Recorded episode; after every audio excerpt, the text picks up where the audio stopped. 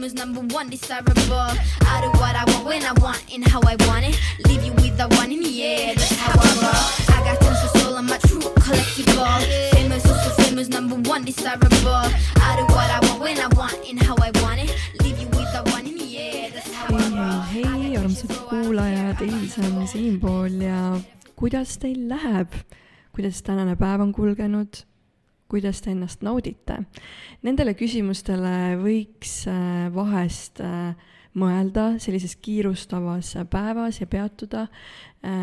ka minu jaoks on Eestis olemine praegu olnud äh, selline, et vabu päevi väga ei ole, et ei ole nagu väga puhkuse moodi, pigem on nagu kogu aeg tegemist täis aga tänane saade on äh, eriline, kuna me lähme justkui nagu algallika juurde, me lähme inimese alge juurde, et kuidas ikkagi inimene üldse siia sünnib ja milline see protsess välja näeb. et äh, mina ise veel ei ole nii-öelda teist elu loonud ega sellelaadset kogemust kogenud, küll aga on äh, tõenäosus, et see tulevikus aset leiab ja äh, tore on saada teadlikumaks sellest osas ja äh, selleks ongi mulle külla tulnud Marika Mesipuu-Veebel, tere! tere, Elis. nii äge, et tulid äh,. Ähm, kes siis Marika on minul on väike sissejuhatav tekst selle kohta. Marika on doula ehk sünnitoetaja ja ta tegeleb sünniga. Ehk siis ta tegeleb lapseootel naiste äh, peredega, nimelt aitab ta sünnituseks ette valmistada, ta läheb inimese juurde, kes on parasjagu sünnitusprotsessis ja aitab ka sünnitusega toime tulla. Ja peale sünnitust pakub äh, Marika äh, tuge ja kohalolu. Marika ise ütleb, et inimesel on õigus ja täie, tegelikult ka vajadus teada seda, mis toimub tema sündimise protsessis ja siis ka ne-, nad äh, ja siis ka ise, kui nad ise nagu sünnitama hakkavad. ja tema suurimateks õpetajateks ja toetajateks on olnudki Kristiina Raie, Karita Mikko ja ka Pinnie Dansby. ja praegu õpib ta ka perekonstellatsioone, nii et äh, saab väga põnev olema. mulle tegelikult ju kirjutaski üks inimene ja soovitas sind ja ma olin tegelikult kohe jah, sest et äh, see on nii vajalik äh, ja põnev teema äh, mida minu saadetes tegelikult ei olegi väga olnud, sest ma ise võib-olla ei ole nagu hetkel veel selles äh, protsessis, on ju, aga mulle meeldib ise nagu saada teadlikumaks sellest kõigest, et väga äge, et sa tulid. aitäh kutsumast, nii tore on siin olla. jaa, kas sa oled varem äh, podcast ides käinud ka või kuidas sul nende kogemustega on? jaa, mõnes podcastis olen ja jah, ja ma olengi rääkinud äh, sünnitusest äh,, tuulatööst äh,, jah, sellistest peamiselt ikkagi sünniga seotud teemadest, et et see on see teema, mis minu meelest vajab tähelepanu täna ühiskonnas ja inimeste eludes ikkagi päriselt nähtavaks toomist. Ja sinna me ka lähme, aga sul vist ei ole üldse nagu tegelikult äh, esinemisega probleeme, et sa oled seotud ju teatriga päris kaua, et äh, inimesed äh, teavad sind vist kõige rohkem ka Õnne kolmteist seriaalis. et võib-olla jaga seda ka, et kust üldse sinu nagu näitleja karjäär alguse sai? Ma olen näitleja ja õppinud professionaalseks näitlejaks Viljandi Kultuuriakadeemias. Ma lõpetasin aastal kaks tuhat üheksa teatrikooli ja peale seda olin kuskil aastakese vabakutseline, aga siis läksingi tööle kohe päris riigiteatrisse, Rakvere teatrisse ja töötasin seal kuni oma laste sünnini. et peale seda äh, ma ei ole enam äh, nii-öelda Riigiteatris töötanud, aga kogu selle aja jooksul, mis ma olen äh, peale teatrikooli lõppu näitlejana tegelenud, olen ma olnud ka improteatri näitleja, improvisatsioonilise teatri Eestis üks maaletooja, üks äh, näitleja ja jah, ja seda olen ka teinud kolmteist aastat, nii et äh, Päris pikalt. see on juba päris pikk, kui hakata niimoodi välja ütlema, jaa.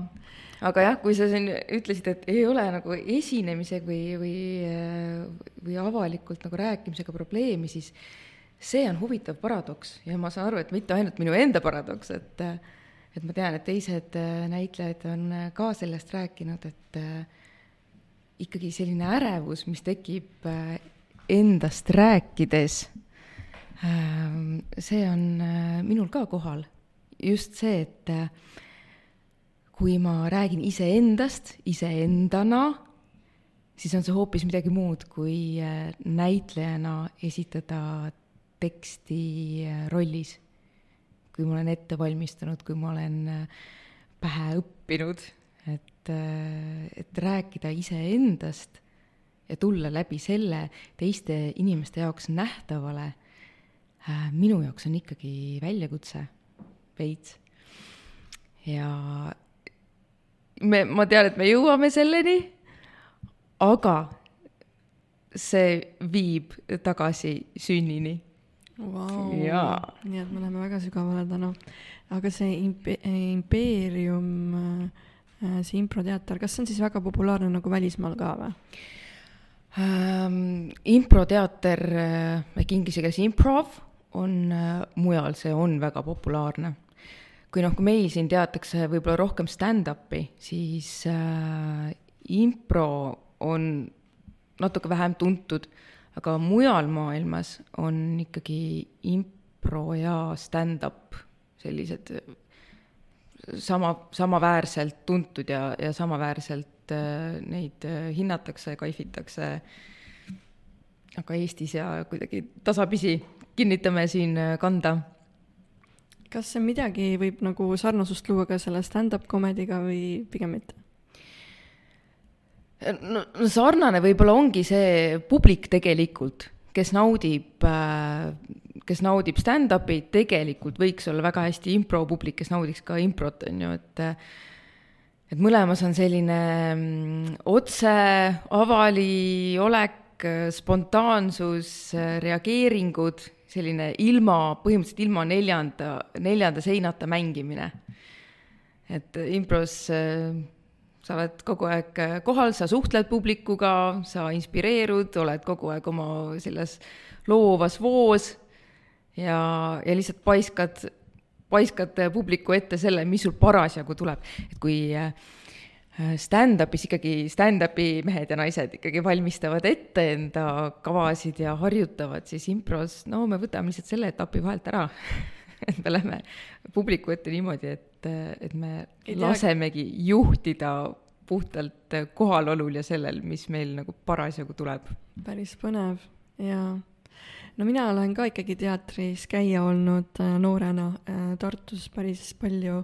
Ja ma alati nagu imetlesingi näitleja tööd äh, selles osas, et kuidas neil ikkagi see tekst pähe jääb ja nagu nii vaikne on see teatrisaal, midagi sul valesti läheb, mingi üks sõna või see rahva ees esinemine ja nagu kuidagi üldse nagu tundus nagu väga stressirohke ja ma tundsin kohe, et issand, see ei ole nagu, ma ei saaks vist hakkama üldse sellega, et hästi nagu psüühiliselt nagu väljakutsuv amet, ma ütleks.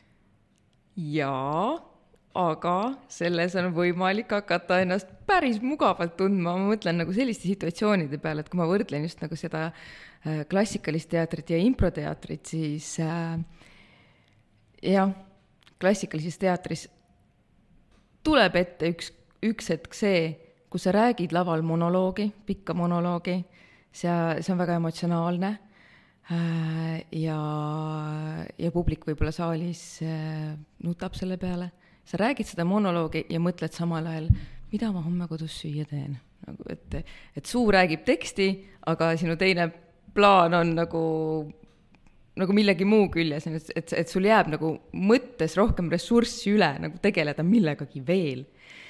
siis äh, impros sellist kohta ei ole. seda, seda lihtsalt ei ole, on ju, sest et sa pead olema kogu tähelepanuga siinsamas, looma siinsamas, et sa mitte ei korda, vaid sa lihtsalt lood. ja see on tegelikult väga nagu õpitav ja harjutatav oskus.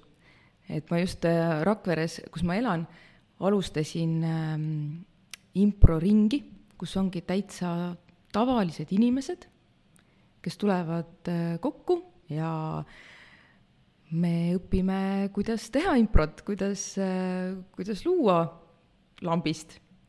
ja, ja see on väga tore näha, et see mõjub nagu avavalt, avardavalt, inimesed lähevad julgemaks, need emotsioonid, see on, see on super.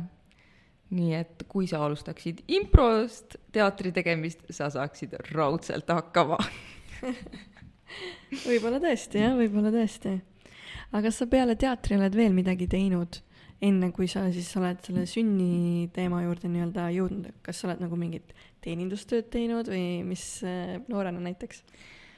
töö, mis ma veel olen teinud, et enne kui ma teatrikooli õppima sain, ma mm, õppisin noorsootöötajaks mm jah, et ma jõudsin selle hariduse isegi täitsa ära omandada, et ma, minust sai nagu paberitega noorsootöötaja.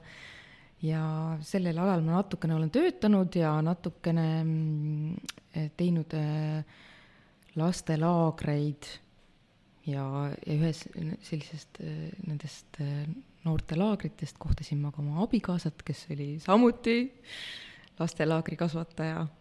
nii et jaa see amet on mulle palju andnud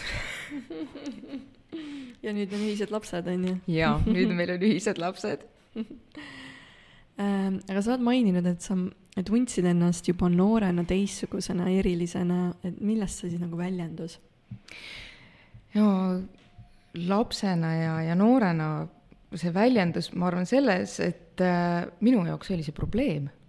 Et ma tundsin, et ma olen endaga hädas, sest et ma kuidagi ei saa nagu hakkama nii hästi, nagu teised saavad hakkama oma emotsioonidega äh,, enda kuidagi kokkupakkimisega, mingite väljakutsuvate olukordadega, et äh, mul olid pisarad väga käepärased alati äh,, kui ma pidin minema kuhugi uude situatsiooni, võõrasse keskkonda, äh, siis ma tundsin ärevust, hirmu, olin selline klammerduv selliste turvaliste, turvainimeste ja situatsioonide külge.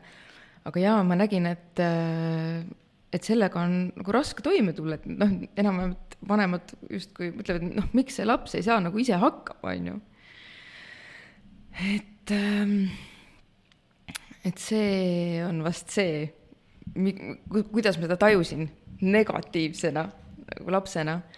aga hiljem, kui ma hakkasin, äh, õnneks mul oli kuidagi see teadmine, et ähm, et minuga ei ole kõik nagu, nagu täiesti fundamentaalselt valesti. et kui leida üles need mingid kohad, mida ma saan äh, parandada, tervendada, ma saan mingit äh, toetust, et siis mul on võimalik äh, pääseda sellest ebamugavusest. ja kui ma aegamööda jõudsin sellise töö ja enesearenguni iseendaga siis hakkasid, hakkaski see nii-öelda see valgus ka paistma sealt, et tõe, tõepoolest see on nii, et tehes äh, endaga tööd, lubades endale hoolitsust, praktikaid, äh, siis ma hakkan jõudma kontakti sellega, kes ma päriselt olen. ja kõik see ebamugavus, mida ma olen tundnud, on olnud see allasurutud emotsioon Äh, seesama, jälle me jõuame sünnini, võib-olla sealt alates mingisugused äh, rasked kogemused, mis on olnud siia maailma sellesse ellu kehastumisel mm. aga ma mõtlen seda, et kas sa siis said jälile sellele, et miks sa siis klammerdusid nendele turvalistele äh, keskkondadele ja olukordadele, et kas oli nagu seotud siis turvatundega ka? Jaa, loomulikult, et ähm, kui sa küsid, et kas ma sain jälile, siis äh, jah, siis see kõigepealt võib-olla tuli see märkamine, et äh, jaa, et millegipärast on suur turvatunde puudus, aga ikkagi jäi see koht, et äh, otsida, et kus see siis on, eks ole, et et jaa, et võib-olla mu äh, pere, kus ma olen üles kasvanud, ei ole olnud kõige stabiilsem ja, ja, ja turvalisem. ja noh, selle võiks ka nagu taandada sellele. aga tänaseks ma ikkagi näen äh, sügavamat seost sellega, et mis toimus ikkagi siis, kui ma sündisin oled sa selle kohta nagu palju infot saanud ka või nagu uurinud äh, siis enda ema käest ka, jah ähm,? See, mis ma olen oma ema käest kuulnud äh,, selle info mõttes on üsna, üsna nagu vähene. et tegelikult, kust need äh, nii-öelda esimesed teadmised selle kohta, et mis siis on nagu juhtunud äh,, hakkas ikkagi tulema läbi minu enda tunnetuse just sellistes protsessides, kus ma olen liikunud sügavale endas läbi mingisuguse praktika. et ma olen äh, jälginud oma keha või noh, mu keha on andnud need märguanded, et mis minuga on toimunud. ja üllatus-üllatus, see protsess lihtsalt väga selgelt meenutab seda, kuidas sünnitab üks naine või kuidas sünnib üks laps. Et lihtsalt ma olen osanud need kaks ja kaks äh, panna kokku oma peas ja saada hiljem siis äh, väga olulist kinnitust läbi loodud süsteemide, kas või seesama Binny Dansby õpetus või, ähm, või, või äh, rännakumeetod, et et jaa, et ma olen saanud kinnitust, et ma olen asjadest õigesti aru saanud, mis minuga on juhtunud. okei okay,, väga põnev, loodame, et me avame ka seda natukene. aga kas sa tead nagu mingeid kellaaegu, koordinaate, asukohti ka, et mõndades äh, noh, ma ise mäletan, kui ma seda nagu human design'i näiteks tõin mm, -hmm. praegu väga populaarne Eestis on ju, et noh, seal on vaja neid, on ju, et, äh, et kas sa neid äh, ka tead? Jaa, jaa, mul on isegi kodus üks, üks kaardikene, mis anti minu sünnil äh, Pelgu linna sünnitusmajast kaasa, vaatan, kus, kus on siis kirjas mesipuu, tütar ja siis minu sünni kellaaeg ja kuupäev, et, äh, et jah, nii palju ma ikka tean, jah. oled hommiku või õhtubeebi siis äh,? hommiku mm. -hmm, ma ka mm,. jaa, ja nädal, nädalapäev oli ka kirjas seal, jaa. ma olin esmaspäev kaheksa viiskümmend viis mul oli neljapäev, ma olen neljapäeva laps, aga minu mõlemad äh, pojad on näiteks pühapäeval sündinud. jaa. no vot siis ähm,. aga räägime siis, lähme sinna sünni juurde nagu sügavamalt, et kuidas me siis ikkagi tegelikult tuleme siia planeet Maale. nagu me argipäeval me nagu või noh, oma toimetuste kõrval me ei mõtle selle peale kuigi tihti, vaata. ega ei mõtlegi ja me elame ja siis hakkame võib-olla ühel hetkel märkama, et mm, nagu midagi on nagu jamasti, et ma nagu ei tunne ennast mugavalt või et ma satun mingitesse äh, ebamugavatesse olukordadesse, et ma kuidagi, või mingisugune muster nagu kordub minuga näiteks mul kerkivad üles mingisugused äh, tunded, mis justkui ei ole minu omad, aga nad on väga kohal. näiteks ma hakkan tundma süütunnet väga kergesti, tunnen süütunnet või ma hakkan tundma ärevusi mingite olukordade ees. Äh, ja enamasti ongi keha see, mis annab selle märguande keha hakkab reageerima. et ongi, kas äh, süda peksleb või äh, me unustame hingata või ähm, või me kogemegi tunnet, et me, et me oleme täiesti üksi siin, me oleme üksi, me oleme eraldatud ja, ja see on meile kohutavalt ebamugav ja me ei saa aru, miks see nii on, väga ei oska midagi ette ka võtta. ja me jäämegi nagu otsima seda, et, et, et kus, kus see siis, kus siis see konks on, et, et miks, et mis on nagu minuga valesti, on ju, et, et kas ma olen haige, kas, kas kas ma pean minema kuhugi psühholoogi juurde ja väga tore, kui inimene läheb psühholoogi juurde. aga ma näen, et äh, tihti milleni võiks välja jõuda, on ikkagi seesama, just see, nagu sa ütlesid, et, et kuidas me oleme siia tulnud. et mida see tegelikult tähendab, mida tähendab tegelikult sündida. mis see tähendab siis? sündida iga inimese jaoks, kes on sündinud, tähendab äh, see meeletut muutust. ja kuigi see ei ole võib-olla nagu tore öelda, siis see on äh, šokk. sünd on ähm, üks suurimaid,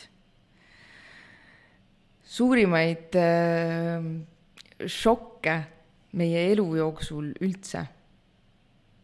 ma arvan, et äh, elus kohata veel mõnda sündmust, mis oleks nii fundamentaalselt äh, meid äh, teiseks tegev oma füüsilises kehas, no neid praktiliselt ei ole sest äh, jaa kui laps sünnib,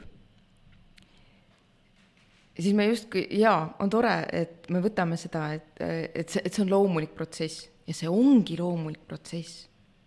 Aga mida me ei teadvusta selle juures võib-olla on see, et mis selles tillukeses kehas, kes parasjagu sünnib, peale selle, et ta tuleb sealt oma ema keha seest välja, et mis siis tema enda keha sees veel toimub. et justkui üks on see tohutu keskkonnavahetus, et enne sündi me oleme veeloomad nii-öelda, et me oleme veekeskkonnas, me oleme kogu oma teadvel oleku aja üheksa kuud olnud veekeskkonnas ühel viisil ja korraga toimub meie jaoks totaalne maailma muutus me sünnime täiesti teise keskkonda, õhukeskkonda. see tähendab seda, et äh, me peame esimest korda hingama. Ähm, meie kehas toimuvad tohutud muutused. meie süda, meie südames olevad klapid, ühed klapid sulguvad, teised äh, avanevad selleks, et verevool saaks hakata äh, teistmoodi tööle kõik peamised organid meie kehas, erituselundkond, maks, neerud, kõik, need hakkavad ise toimima, sest varem kandis selle eest hoolt platsenta. aga nüüd äkki peab selle eest hoolt kandma terve see pisikene sündinud keha ise. varem me ei ole pidanud ise sööma, ise muretsema endale hapnikku korraga tuleb seda kõike teha ise. suur vastutus. väga suur vastutus, vastutus iseenda eest ja, ja, ja kui me mõtleme, et, et üks keha, keha läbib sellise tohutu muutuse, peab sellega toime tulema, pluss peab kohanema teises keskkonnas siis äh, mida teeb veel eraldatus selle kehaga? Kui me selle hetkeni, mil me sünnime, oleme iga sekund, iga hetk olnud seotud oma ema kehaga. ta on olnud nii-öelda terve elu meie jaoks olemas. tema südamelöögid on meid saatnud kogu aeg ta on, ta on sõna otseses mõttes meie ümber. Ja võtamegi teda, kui me oleme nagu temaga koos või see on üks või... maailm jaa, just, et see on üks maailm temaga koos olla. ja korraga see maailm on meie ümbert kadunud. me võimegi kogeda seda tohutu tühjusena, tohutu üksildusena, tohutu ärevusena ja, ja siin võib ka olla see mõte, et kas see ongi kõik?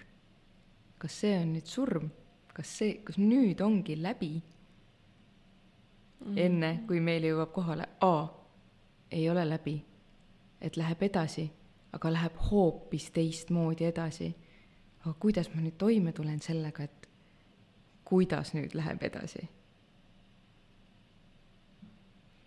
kuidas sida, sina seda nagu kogesid, kui sa oled rääkinud, et sa oled teinud seda rännakut ja nii mm? -hmm. Um, um, enne kui ma tegin sellise suure rännaku, selle Brandon Basie meetodi rännakuprotsessi äh,, siis mul olid päris, no ikka väga tugevad peavalud.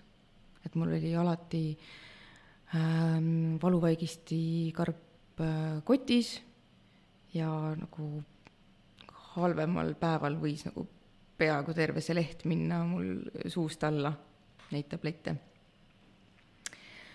ja, ja ma kogesingi neid peavalusid tohutu sellise pingena endas, noh, need olid sellised migreenivalud, et ja, ja kui ma kuulsin äh, Brandon Basie meetodist, siis, äh, siis see kohe kõnetas mind.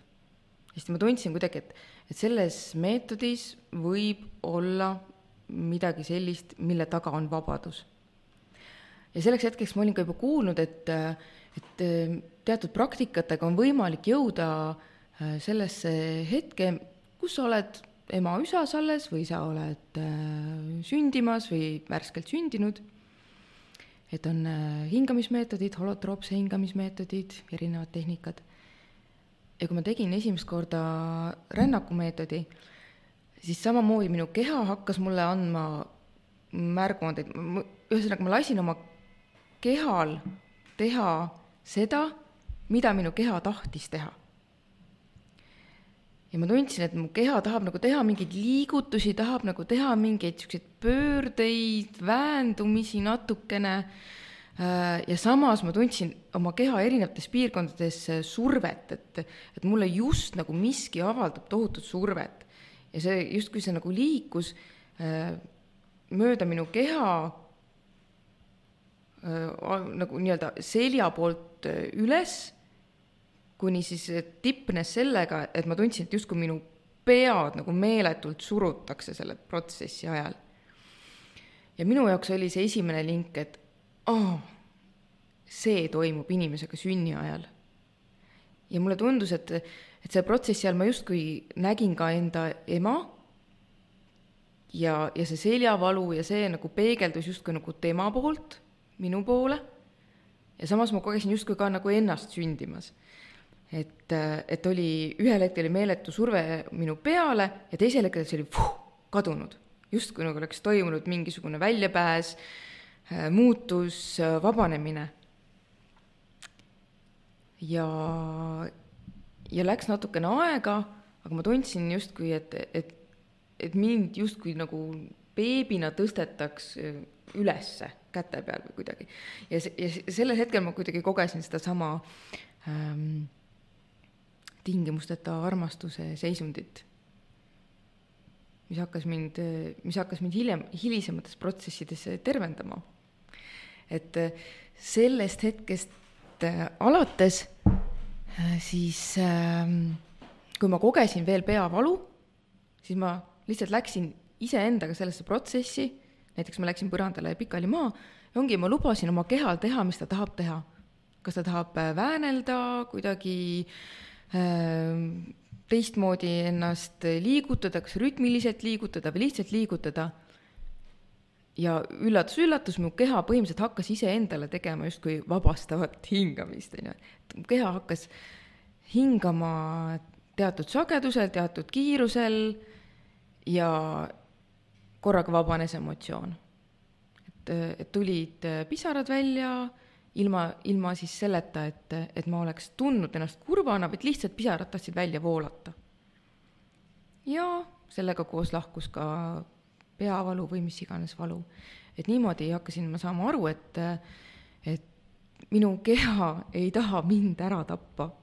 et tema eesmärk ei ole see, vaid eesmärk on tuua mind kontakti sellega, kus on pinge ja see vabastada.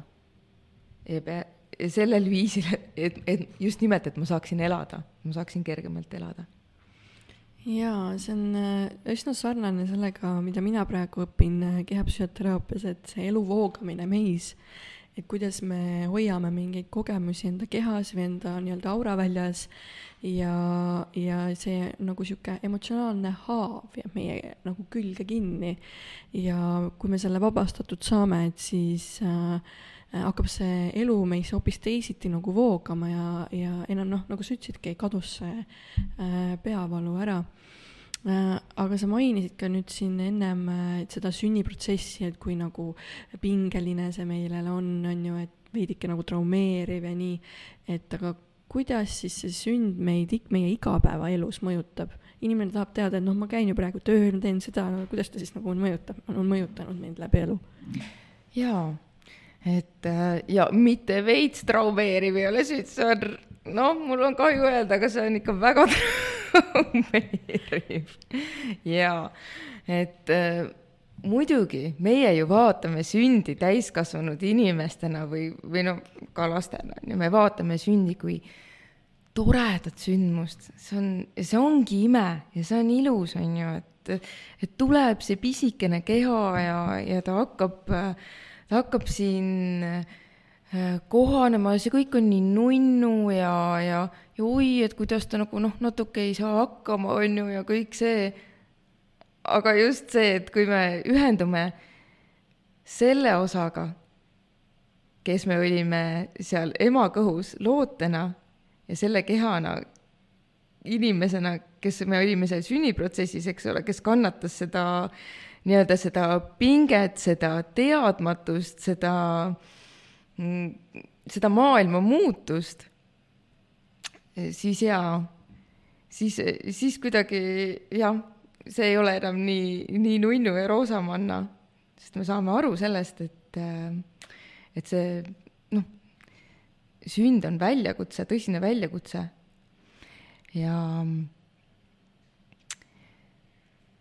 kuidas siis see meid äh, pärast elus mõjutab mm,? jaa. Sünniga on niimoodi, et ähm, noh, varem võib-olla rohkem on esinenud seda nägemust, et äh, elu algab siis, kui laps on välja tulnud ja ta hakkab äh, ja, ja siis, kui tita on välja tulnud ema kehast, et siis ta hakkab õppima siis algab tema elu. ja, ja noh, kui me vaatame ka meditsiinilisi igasuguseid äh, teadustöid ja, ja, ja, ja uurimusi, siis äh, on olnud mingi ajaperiood on olnud täiesti niimoodi, et, et jaa, on tõestatud seda, et näiteks kuidas, kuidas loode ei tunne ja kuidas ta ei ole võimeline äh, eristama mingeid asju või, või, või aru saama, siis see, mida inimesed on äh, ikkagi kogenud läbi enda kehade ja läbi enda praktikate, on just see, kuidas nad ema üsas vastupidi on tundnud, kuidas neil on kaasas mõtted, mälestused sellest ajast. Ja kui nüüd inimene sünnib, teeb selle tohutu muutuse läbi päriselt ja me teame, et ta on selle protsessi, selle protsessi juures teadlik, ta on kohal, ta on lihtsalt väike, ta ei oska seda väljendada, eks. kui ta saab need kogemused, siis sellel hetkel ta teeb ka otsused elu kohta. Ja kui sa koged midagi päris karmi ja sa ei tunne ennast äh, sellest turvaliselt, sa ei tunne ennast äh, võib-olla toetatult, sa tunned ennast, võib-olla tunnedki ennast äh, üksi või sa koged surmahirmu, siis sa võid teha selle otsuse, et nii. elu ongi selline. elu ongi see, kus mul tuleb pidevalt kohtuda sellega, et ma olen üksi. mul tuleb kohtuda sellega, et siin ei ole toetust minu jaoks. võib-olla mul tuleb kohtuda pidevalt surmahirmuga. ja seda me hakkame pärast elus tundma. see, kui me tunneme äh, depressiooni, me tunneme, et äh, siin ei ole väljapääsu. või siin, siin ei ole ühtegi inimest, kes paneks mind tähele, kes kuulaks mind, kes päriselt kuulaks siin ei ole toetust minu jaoks. Need on need kohad, kus see hakkab meie praegu... elu juhtima. jaa, sa praegu nagu kirjeldasid äh, minu elu mingis plaanis, et äh, väga nagu tunnen ära ennast selles äh, tekstis, et äh, väga lahe wow.. et äh, aga äh, mis ma tahtsin öelda, eh, see, kui sa ütlesid, et, et on tehtud uuringud, kus see beebitunne on ju ja nii edasi, et kuidagi tundub, et see on nagu taoline äh, nagu nõukaajal see kasvatusviis oli, et last peab peksma või midagi, et äh,, et siis ta nagu kuulab sõna, et, et see on niisugune nagu programmeering samamoodi nagu selles osas ka, et ma nagu tunnengi, et, et lihtsalt puu, on puudunud see teadmine. ja noh, mida ma siis täna siin teengi, no tahan seda teadmist välja tuua inimesteni, et, et me juba tunneme siis, ma võiksin öelda isegi nagu seal eostumise hetkel me juba hakkame tundma nagu, et et jaa, võib-olla, mis on siis need olulised kohad äh, ema kõhus olles äh,, mis mõjutab meid võib-olla kõige rohkem oskad sa äkki välja tuua mingid momendid või mingi arengujärk või? ema kõhus, olles koos loomises emaga ähm,, ongi ema meie maailm. seesama, et ta on meie ümber ja, ja me ei eralda teda endast justkui, et on ema ja olen mina, vaid me olemegi päriselt üks. ja lapsel peale sündi on äh, tegelikult selgelt näha ka sellised aru, arenguetapid, kus ta hakkab nii-öelda taipama, et aa, ma ei olegi enam emaga ühendatud, ma olengi siin eraldi ja ma ei saagi tagasi sinna, mis minu jaoks tegelikult on nii loomulik, mis minu jaoks oli äh, terve minu maailm. nii et kõik see, mida ema enda kehas äh, kogeb, see emotsionaalne plaan, põhimõtteliselt kõik, mis voolab tema kehast läbi, voolab läbi ka lapse kehast ja laps õpib juba seal ema kõhus elu kohta nii mõndagi. just sedasama, et äh, mida tähendab äh, südamelöökide kiirenemine, mida tähendab äh, hingamise kiirenemine, see, mida ema keha teeb.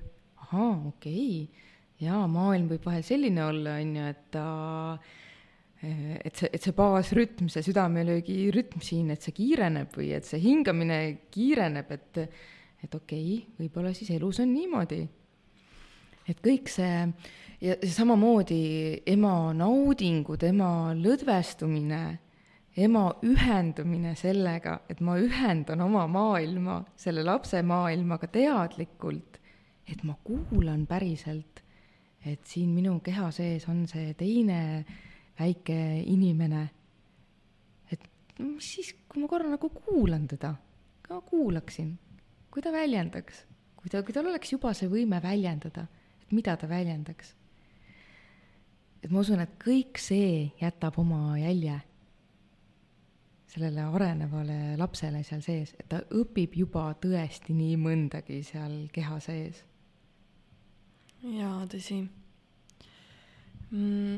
võib-olla räägiks äh, siis sellest, et kes on äh, Toula, et mõned ei saa aru, võib-olla arvavad, et ta on ämmaemand, aga mm. kust see nimi tuleb? Äh, sõna Tuula tuleb kreeka keelest ja ta omal ajal tähendaski, noh, kreeka keeles ta tähendaski justkui nagu orjatari, kes äh, siis hoolitseb mm. ja, ja ta tänapäeva mõistes tähendab ta hoolitsejat, kes hoolitseb naise mm -hmm. eest, kes on parasjagu sünnitamas. aga ka tänapäeval on sinna lisandunud see, et ta on koolitatud professionaal.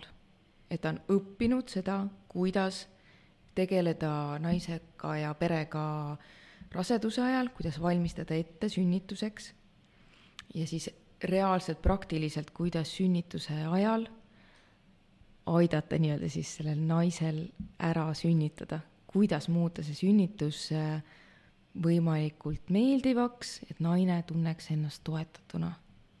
ja sa toetad siis nii haiglaruumides kui ka koduruumides? jaa, jaa mm. -hmm. Et see on, ongi puhtalt naise valik, eks ole, et, et kus ta tunneb ennast turvaliselt sünnitades. ja kaua sa oled teinud seda? Ähm, ma olen teinud seda nüüd kuskil viis aastat mm.. ja minu esimene laps äh, oli aastane, kui ma hakkasin õppima ja praktiliselt kohe hakkasin ka sünde toetama. Okei okay,, vau, aga siis sul on kogemusi äkki, et mis täna siis sünnitusmajades, haiglates või üldse sünniruumides siis toimub? jaa, nojah, me võime mõelda, et, äh, et sünnitus oma olemuselt justkui ei ole muutunud, et sünd on ikka sünd. aga reaalsuses on ähm, ikkagi mõjutamas väga palju see, mis on parasjagu ühiskonnas kehtivad äh, tavad, normid, nii-öelda kokkulepped. et ähm, tänapäeval me võib-olla näeme seda, et äh, sünnitust ikkagi käsitletakse päris palju meditsiinilise toiminguna. et me läheme sünnitama sünnitusmajja mingi mm, ootusega vahel, et see on meditsiiniasutus ja seal tehakse minu eest sünnitajana mingeid otsuseid aga küsimus on äh, selles, et äh, kas me tegelikult tahaksime seda. et, ähm, et jaa, justkui läänemaailm on andnud meile ähm, sellise nagu mugavuse illusiooni või et, äh, et kui meid juhitakse väljastpoolt, et siis see peaks ju olema mugav, et me justkui võtame ära vastutust, võib-olla ka kohustust, aga, aga mida meilt äh, selle protsessi käigus veel nii-öelda ära võetakse või, või mis siis veel kaob selle protsessi käigus. ja mida ma näen paraku, on see, et selle protsessi käigus tihtipeale kaob ära naise enda vägi sünnitada.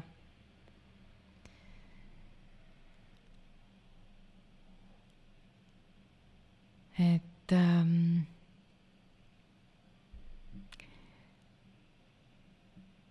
kaob ära justkui kontakt sellega, kuidas mina tahan sünnitada. ja mida minul selle jaoks vaja on Need on väga olulised teemad, mille peale mõelda, kui, kui sünnitus on ees. jaa, jaa. ja, ja samuti praegu ju on see, et koroona on nagu vaikselt möödumas. Äh, kas sa äh, siis ka koroona ajal nagu said seda sünnituskogemusi äh, nii-öelda vastu võtta või kuidas siis sünnitused üldse sel ajal toimusid? On mingid erinevused, mida sa oskad kosta? jaa, koroonaaeg tõi ikkagi väga suure muutuse äh, meie sünnitusmajadesse ja ja see oli ka ja meedias üleval, see oli nii-öelda lapseootel naiste sellises kollektiivses alateadvuses väga üleval.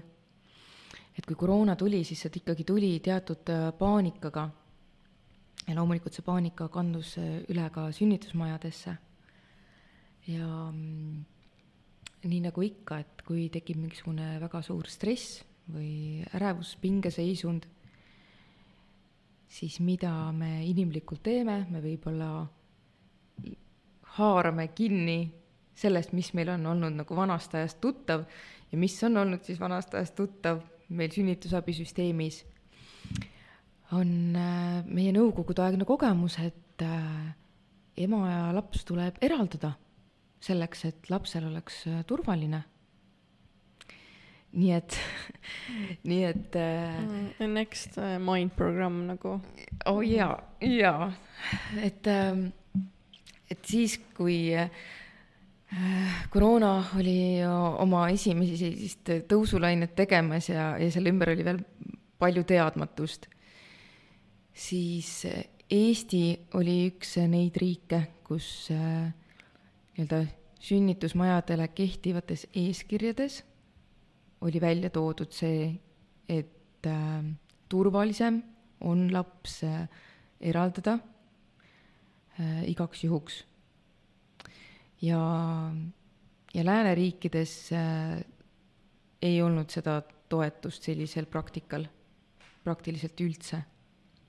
Aga noh, kui ma vaatasingi ja mõtestasingi seda olukorda, siis ma sain aru, et, et jaa, et see ongi see äh, vana maailma viimased äh, värinad ja hingetõmbed, et, äh, et pöördume selle juurde tagasi, mis meil siin on olnud, et, et noh, et siis me ju jäime ellu. et me ju jäime ellu läbi selle Nõukogude aja ja, ja näed, me oleme siin elus, on ju. et, et jah, see justkui tundub turvaline, et olgu nüüd see, see kogemus, kuidas ta on et noh, selle arvelt me võime justkui teha mööndusi, aga, aga vähemalt jääme ellu. aga tänases maailmas see on jah, nagu ellujäämise mentaliteet rohkem. et tänases maailmas me võiksime olla natukene kaugemale läinud sellest eh, kohast, et eh, mis on ainult ellujäämisprogramm. Tänases maailmas loob ikkagi väga palju see, mis kvaliteediga me oma kogemusi loome. et mis kvaliteeti me pakume sellele sündivale lapsele, mis kvaliteeti me pakume sellele sünnitavale emale, sest et see saab looma kogu nende ülejäänud elu. see on tegelikult võti ja ähm, ja Binny Dansby on ka toonud välja ühe, ühe uurimuse äh,, milles äh, tõestati justkui, et äh, kui me uurime kurjategijate sünnituslugusid, siis me näeme seda linki, et vägivald ühiskonnas algab sünnitustoast. Et just needsamad otsused, millest me enne rääkisime, on ju, et mida me sellel elu algamise hetkel teeme, kui selle beebiga on käitutud vägivaldselt või on tema emaga käitutud vägivaldselt, siis siin võib olla see otsus, et äh, jah, maailm ongi selline, ma saan oma tahtmist läbi vägivalla, ma saan oma tahtmist äh, või ma saan selle eluga üldse toime tulla ja selle nimel, et ma saaksin toime tulla, ma lähen vägivaldseks, ma teen selle teo, on ju. Et äh, ja mida on nagu väga kahju tänasel päeval öelda, on see, et äh, tänase päevani ei ole enamuses Eesti sünnitusmajades sünnitoetaja oodatud ikkagi sünnitaja kõrvale koos tema mehega. et kui varem oli normaalsus see, et sünnitav pere saab endale kaasa võtta professionaalse toetaja, kes on nendega teinud tööd kogu raseduse aja, on valmis neid toetama läbi terve selle sünnituse, et, et naine ja pere saab toetuda oma sünnitoetajale, kellega neil on loodud usalduslik äh, abistav suhe, siis äh,, siis täna ikkagi nii-öelda koroona sildi all ei saa enamus haiglatesse sünnitoetajad minna. koroona ongi siis ainuke põhjendus või?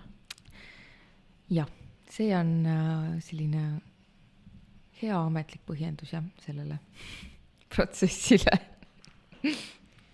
aga nagu ütlen, ma, ma loodan ka selles osas, et, et, et ehk see on siin nüüd see õppimise ja, ja, ja, ja läbitegemise koht mm. -hmm. et kus me,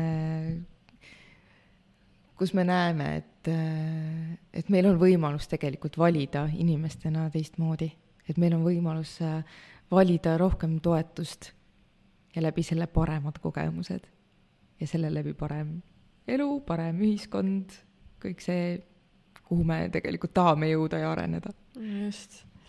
palju Eestis üldse on neid äh,, hääldasin võib-olla ennem valesti, neid tuulasid või? ja tuula on, tuulasid jah. Okay. tuulasid Eestis on äh, umbes viiekümne ringis, võib-olla natukene rohkem ähm,. ja võib-olla aktiivselt tegelevaid tuulasid on umbes poole vähem, sest et ma pean ka ütlema tõesti seda, et see koroonaaeg, mis noh, oli paljudele raske ja tõmbas paljudel nagu nii-öelda vaiba alt ära, siis nii-öelda tuulatööga, tuula äh, tegemistega ikka võttis, võttis tuuladel ikka korralikult enda vaiba alt ära, sest et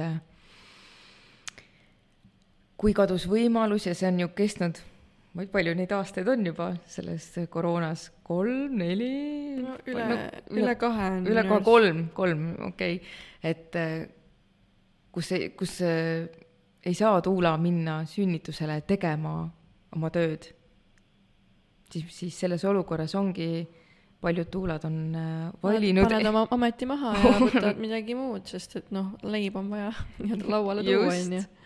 aru saada. jaa et mida tuulad on äh, teinud ja, ja suur, väga suur tänu neile selle eest, on, on jätkanud sünnituseelset ettevalmistust, et on äh, tegelenud perede ja sünnitajatega enne sünnitust, raseduse ajal, valmistanud parimal viisil ette, valmistanud ette isasid oma naiste sündivat last toetama ja on teinud ka kogu seda sünnitusjärgset toetust kui äh, pere saabub koju uue beebiga või sünnitabki kodus, et pakkuda seda hoolitsust ja toetust äh, emale, lapsele, tervele perele seal sünnitusjärgsel ajal.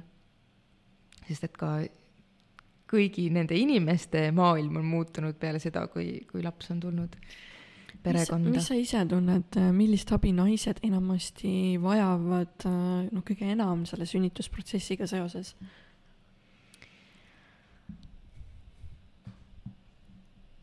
kõik minu arvates taandub ikkagi äh, naise toetamisele pidevalt ja üks-ühele see, et naine kogeks, et ta päriselt ei ole selles üksi. et päriselt keegi on kogu aeg tema juures. eriti sünnitab. veel sellel naisel, kes on ise sünnit- äh,, ise sündinud ja tundnud seda, mida sa ennem kirjut-, kirjeldasid, just seda eraldatust ja üksi, keegi ei ole minuga. et sellel naisel vist eriti oluline veel see äh, ja. toetus, kui tema sünnitab. just, ja see ei ole absoluutselt mingi juhus, et sünnituse ajal hakkavad äh, naistes üles kerkima needsamad kohad, mida nad tundsid ise sündides. miks tekib äh, sünnitades äh, hirm, miks tekib paanika, on seesama, kui ise sündides oled seda kogenud, ise oled teinud selle otsuse samamoodi, et või ka seesama, et sünd on valus või kas ma kogen seda läbi selle, et, et mind sünnitav ema karjub äh,, ahastab sellepärast, et tal on valus siis ise sünnitades see on väga loomulik tulema minu enda kehasse tagasi. et ma ju tunnen sündi, ma olen sündinud, ma tean, mida see tähendab. see tähendab äh, paanikat, see tähendab ahastust mida iganes, on ju, aga see võib ka olla kõik teistmoodi, on ju. et kui ma valin enda kõrvale selle toetuse, mis aitab mul kontakti saada selle kohaga, teha need uued valikud, et see võib olla lõõgastunud sünd, see võib olla toetatud sünd, et keegi on igal hetkel kuulamas mind, keegi on igal hetkel märkamas mind, küsimas, mida ma vajan, küsib, kuidas mina tahan seda protsessi läbida. siin on väga oluline kvaliteedivahe. millised on need hirmud äh,, äh, mida naised nagu kardavad seoses sünnitusega ja kuidas sa neid äh, maandad, kuidas sa ongi, kuidas sa toetust pakud? ja no mida me, ongi, kui ma küsingi näiteks sinu käest, et äh, kuidas, kui sina mõtled nagu, et sul tuleb elus sünnitada ja mm. mis võiks olla nagu see koht, mis nagu paneb sind nagu mõtlema, et, et mis sünnitus on või sinu jaoks või, või millega ma pean sünnituse käigus hakkama saama? no see on ikkagi väga suur jõud, mis tuleb läbi minu äh, jaa, äh, no minu, minu, minu küsimused on jah, et äh, kas siis tuleks kodusünnitus või tuleks see tõesti äh, palatis koos siis abilisega. Need on nagu küsimused, et kuidas seda turvatunnet mulle veel rohkem nagu nii-öelda tekitada mm.. mis veel sa võid küsida? jaa, et kui sa mõtled nagu sünnitamise protsessi peale, kas sul on seal mingit ettekujutust sellest, et mm, kuidas te... sellega toime tulla tean, või millega seal kohtuda? ma tean, et seal on võimalik äh, kogeda ka orgastilist kogemust.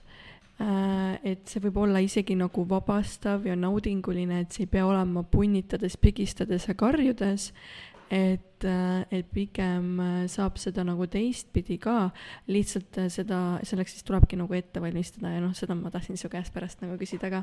jaa, jaa, et nii tore, et sa selle äh, ütlesid välja selle, kohe selle, mm, selle ilusa pildi.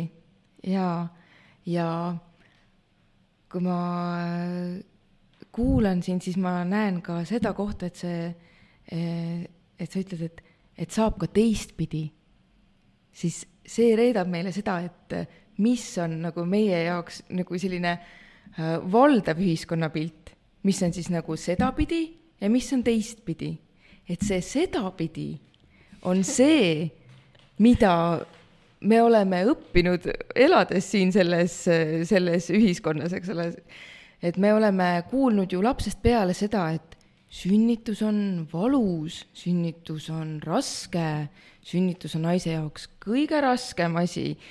Ja et eh, sa pead oma ema austama enam-vähem sellepärast, et tal oli sünnitades valus.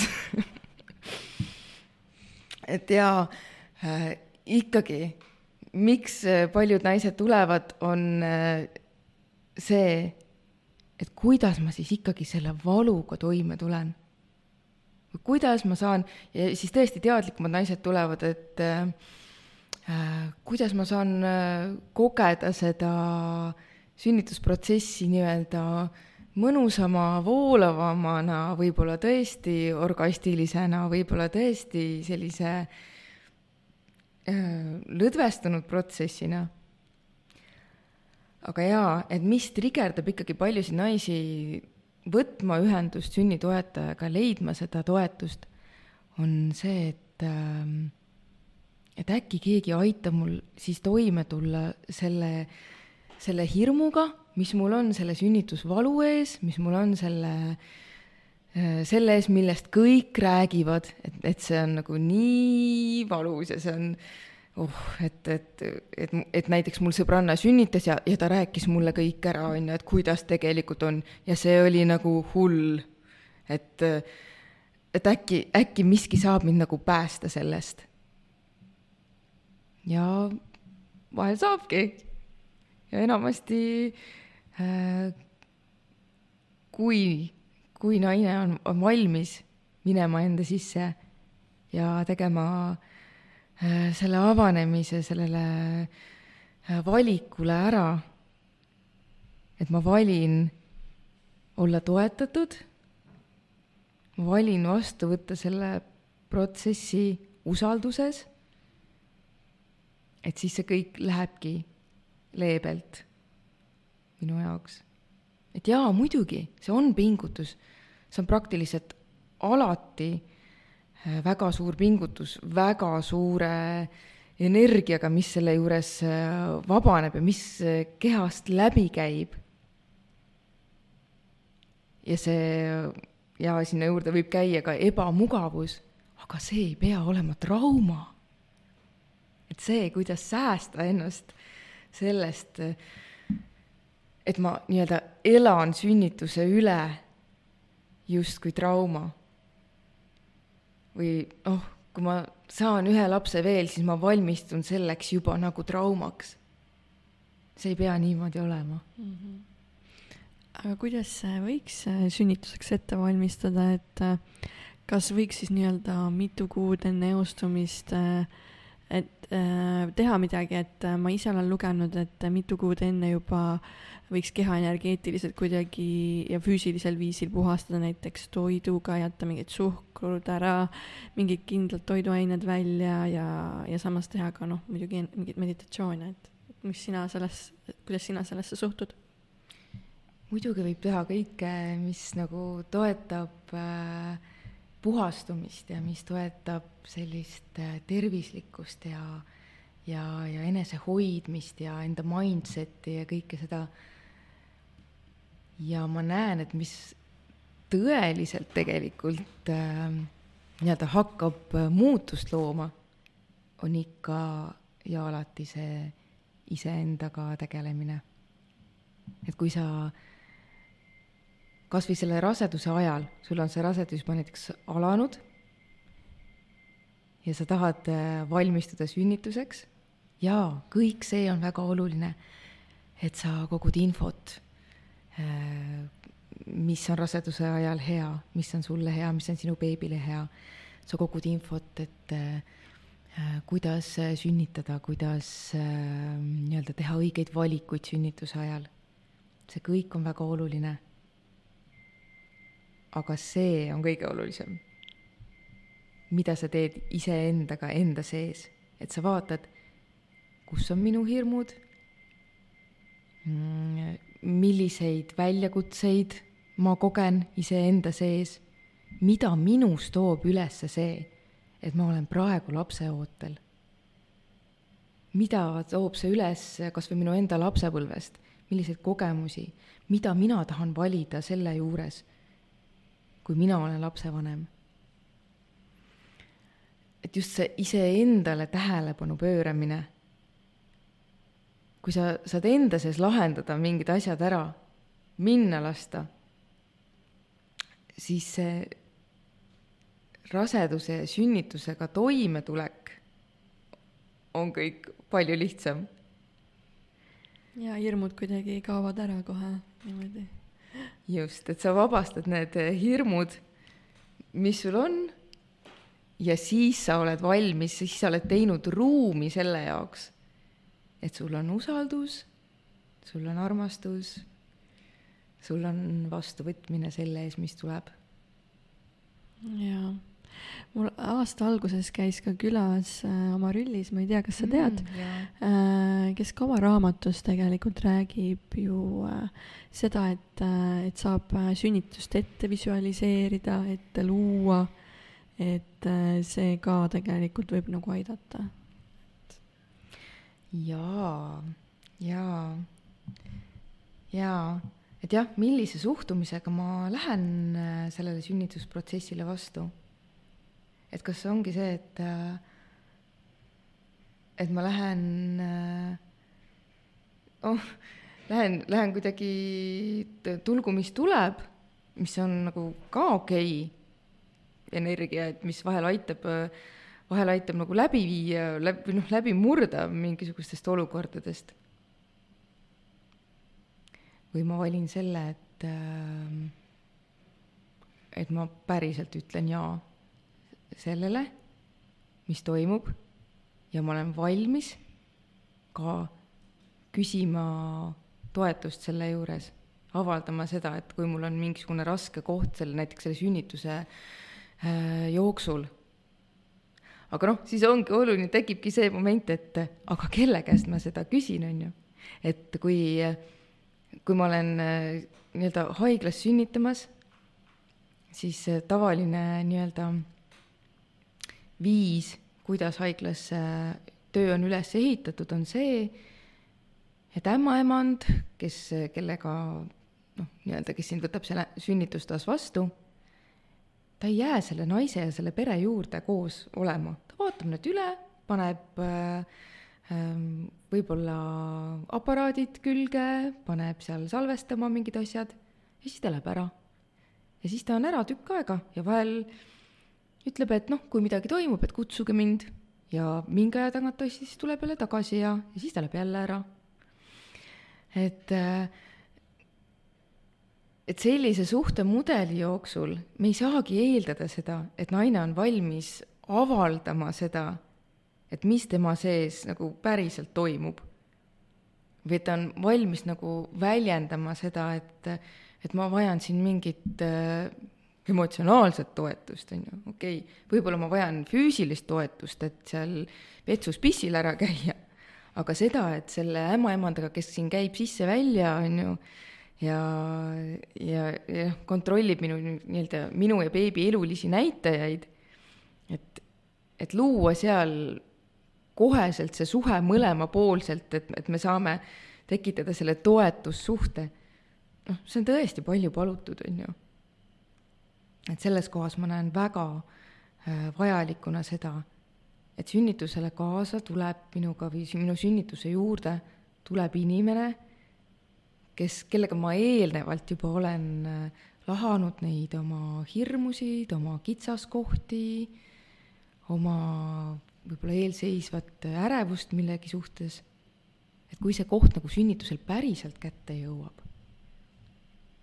et siis teab juba see toetaja, kuidas mind toetada mul meenub, et äh, mul ema rääkis äh, sellist asja, et ta hoidis mind äh, sünnitus, sünnituse ajal kinni veidi mm, -hmm. äh, kuna platsis oli veel teisi naisi, kellel samal ajal oli äh, beebi sündimas äh, ja kogu haigla siis, või noh, mitte haigla meeskond, vaid selle palati meeskond oli selle naise juures ja siis ta ei tahtnud nagu äh, kohe noh lasta mind nii-öelda vist välja, et et, et ootas ära, kui sellel teisel naisel nii-öelda ära sünnib vist või kuidagi niimoodi, et kui, mis sa arvad, kuidas see võib nagu lapsele mõjuda? Ehm, see võib mõjuda selliselt, et äh, näiteks tunneb inimene oma elus, et ah, ma tahan mingi muutuse ära teha.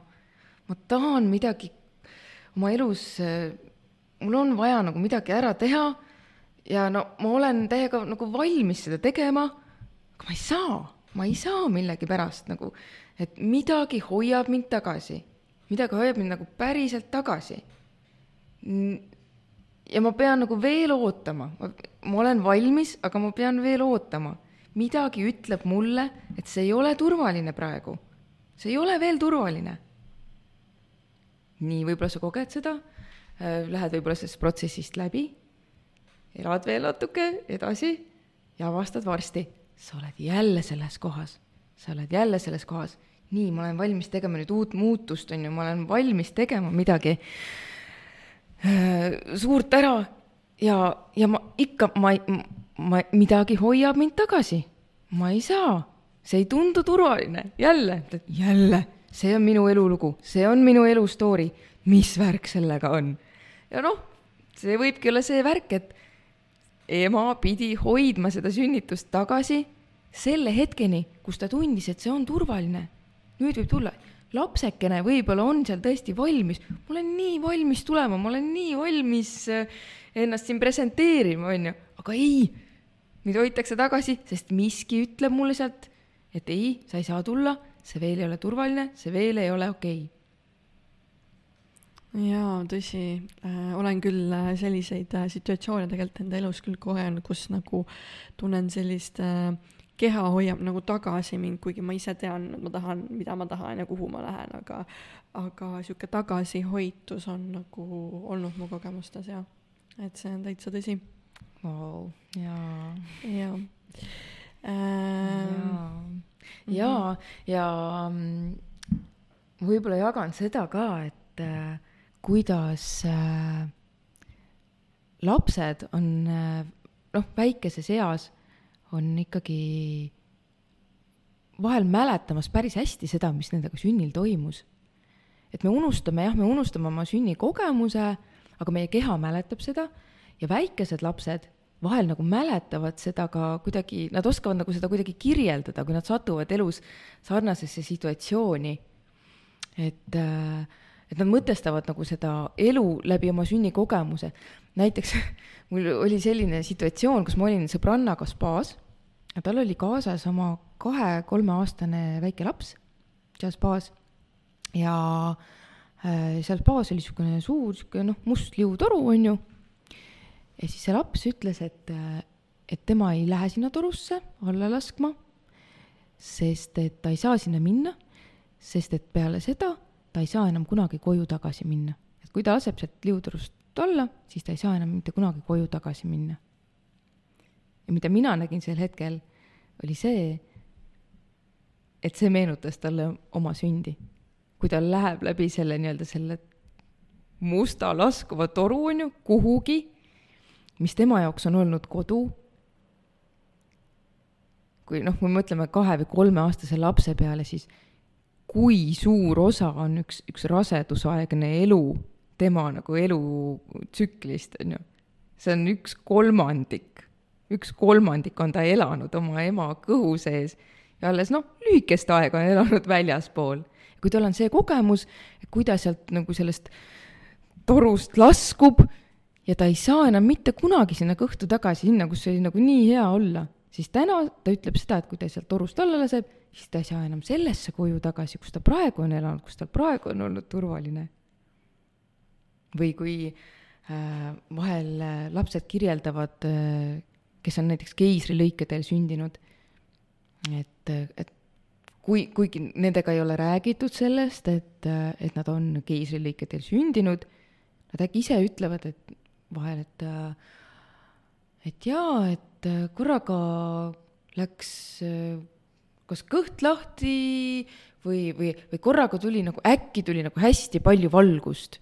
hästi, sest et keisrilõiget tehakse ju ikkagi operatsioonilampide all, eks ole et korraga ma nägin hästi palju valgust ja ma ei tahtnud veel tegelikult tulla välja, aga siis ikkagi ma tulin välja ja noh, selliseid, selliseid nagu, nagu lugusid või, või lauseid vahel nagu lapsed sellises nooremas eas võivad nagu öelda enda sünni kohta okay.. see on äge.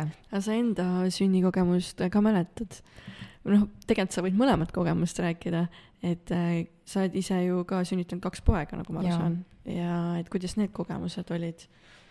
Äh, enda sünni, jah, ma, ma ei mäleta justkui mentaalselt enda sündi ja, aga just seesama, et ma olen hästi palju tundnud ära, nagu seesama rännakuprotsess, olen ma väga palju tundnud ära ka hingamisprotsessides enda sündi ja, ja, ja nendes äh, hingamisprotsessides tegelenud siis nii-öelda enda sünniga ja enda sünni tervendamisega. et, ähm, et ma arvan, et mul oli see õnn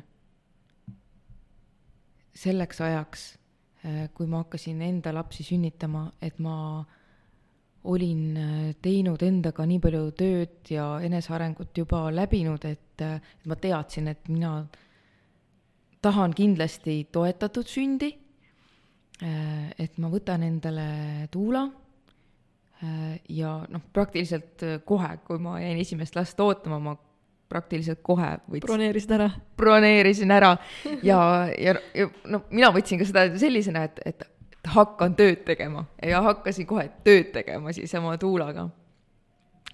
mis jah, viis mind sellesse kohta, et selleks ajaks, kui see sünnitus hakkas lähedale jõudma, mul ei olnud mitte ühtegi hirmu selle sünnituse osas, et ma olin valmis võtma vastu, aktsepteerima seda, mis tuleb. ja selle ettevalmistamise käigus ma olin jõudnud ka kindlale teadmisele, tundele, et sünd on niivõrd turvaline, et ma tahan teha seda kodus. Äh, et ma tahan selle juurde, juurde nii-öelda parimat sünnitusabitiimi, kes on võimalik sest et ma väärin seda ja eelkõige minu laps väärib seda. et see keskkond ja need inimesed, kes selle sünni juures on, et selle määravus on nagu olulise tähtsusega. seda ei ole põhimõtteliselt võimalik üle hinnata. ja vahel ongi naised küsivad minu käest, et no nagu, et mõtlen nagu ka kodusünnituse peale, aga noh, aga et see ju maksab, on ju, et see ju maksab palju, on ju et noh, tõepoolest maksab, selle juures maksab ämmaemand, kes tuleb sünnituse juurde. ja kui sa võtad sünnitoetaja, siis sünnitoetaja ka, nad tahavad oma, eks ole, oma töö eest tasu saada. ja kuidas ma olen nagu teinud nagu enda jaoks selle mõttetöö ära, et kuidas ma, kuidas ma saan nagu kerge sü-, südamega valida selle, et ma sünnitan äh, kodus ja maksan selle eest selle raha, on see, et äh, see on sünnipäevakingitus minu lapsele, kes sünnib. ja see on elu võib-olla kõige tähtsam, olulisem yeah. sünnipäevakingitus. Jaa, et äh, see, mis määrab tema elus edaspidi, need otsused, mida tema seal oma sünni juures teeb, need jäävad teda saatma siis, siis mul ei ole kahju teha seda kallist sünnipäevakingitust. palun, lapsukene, ela, siin on sinu sünnipäevakingitus, sinu sünd. Aitäh, et sa siin oled jaa, mõned naised kindlasti kaaluvad seda, mis sa ise oskad nagu välja tuua, mis on kodusünnituse plussid ja miinused um,? no kõige olulisem on välja tuua see, et äh, sünnitades naine peab tundma ennast turvaliselt. ja ei ole ülemuslikku, et äh, kodusünnitus on ülemuslikult hea või äh, haiglasünnitus on millegipärast ülemuslikult hea. kui naine jõuab sellesse kohta, et ta tunneb, et tal on just kodus see turvatunne. et seal on tema hoitud, tema laps hoitud parimal viisil, siis on kodu see koht, kus sünnitada. kui naine tunneb, et ähm, noh, see kodusünnitus, see tundub nagu tore, aga ma tunnen ennast turvaliselt haiglas tunnen ennast turvaliselt haiglas, noh, turvalisemalt, no kas või noh, noh, natukenegi. siis ma arvan, et tema jaoks nii kaua, kuni need hirmud ei ole lahustunud, on haigla see koht, kus ta tunneb ennast turvaliselt. aga mis on siin nagu selline äh, noh, kas, kas just trikiga küsimus või, või noh, lihtsalt väga hea küsimus nagu viia Äh, ennast kontakti sellega, mis minu sees toimub, äh, siis oma, kui naised ja pered pöörduvad minu poole, siis ma küsin neilt lihtsalt selle küsimuse, et aga mis sa kodusünnitusest arvad või, või, või kui ma nagu ütlen, et, et kui sünnitaks kodus, et, et mis see sinu sees tekitab, mis mõtteid see tekitab? ja tavaliselt see on väga hea indikaator selleks, et tuua naises välja see koht, et mida ta tegelikult sünnituse juures kardab. mis on see koht, mis äh, paneb teda sünnitust kui protsessi pelgama. ja sealt edasi on tegelikult väga tore liikuda nende hirmude lahustamise poole. et see on suurepärane, kui me oleme saanud välja tuua selle koha, mida sünnituse juures kardetakse, siis me saame sellega tegeleda. ja väga tihti juhtub see, et kui me need hirmud lahustame, räägime sellest, kuidas asjad päriselt käivad kodusünnituse juures, kuidas asjad päriselt käivad haiglasünnituse juures, siis äh, naised võivad muuta oma meelt ja tavaliselt nad muudavad pigem meelt ikkagi kodusünnituse suunas. Sest noh, mida peab veel arvestama, on see, et, ähm, et just see ähm, nii-öelda sünnitus, oma sünnitusmeeskonna valimine, see personaalne teenus nii-öelda, millesse ma usun, et tegelikult me ühiskonnana oleme liikumas. et ma usun, et, et, et varsti see saab olema niimoodi, et äh, naine ise valib endale ämmaemanda, ta valib endale arsti, ta valib endale sünnitoetaja ka riiklikus süsteemis või selles haiglasüsteemis. Et aga täna, niikaua kuni see ei ole veel nii, on see ikkagi nagu risky business. kui sa hakkad sünnitama, lähed sünnitusmajja, äh, siis on see ju noh, see on ju bingomäng, on ju, et, et kelle sa endale sinna sünnituse juurde saad on võimalik, et sul tuleb imetore äh, ämmaemand, kes äh, hindab kõiki neid holistilisi väärtusi, kes hindab äh, sinu sünnituskogemust, kes tahab sulle pakkuda toetust. aga on võimalus, et see läheb ka vastupidi. et on jaa, et, et ja see on jaa, et see on nagu tõesti nagu bingomäng on ju, et, et kas läheb pihta või ei lähe, aga kas ma tahan panna oma kogemuse, oma lapse sünnikogemuse nagu sellele bingoväljale on ju, et mm -hmm. et kas nüüd tuleb see keskruut või ei tule, on ju. Appi kõlab, kõlab päris õudselt ähm, me rääkisime seal saate alguse poole nendest ähm, noh, et eraldatakse laps emast ja seal, mhm. mis seal haiglas toimub. aga kas äh, oskad midagi välja tuua, et äh, mida tehakse praegu veel nii-öelda sünnituse ajal või pärast sünnitust, mis ei ole last toetav? sünnituse protsessi suhtes no paratamatult haiglas sünnitamine toob endaga kaasa päris palju sekkumisi. see tähendab ähm, ka igasugust äh,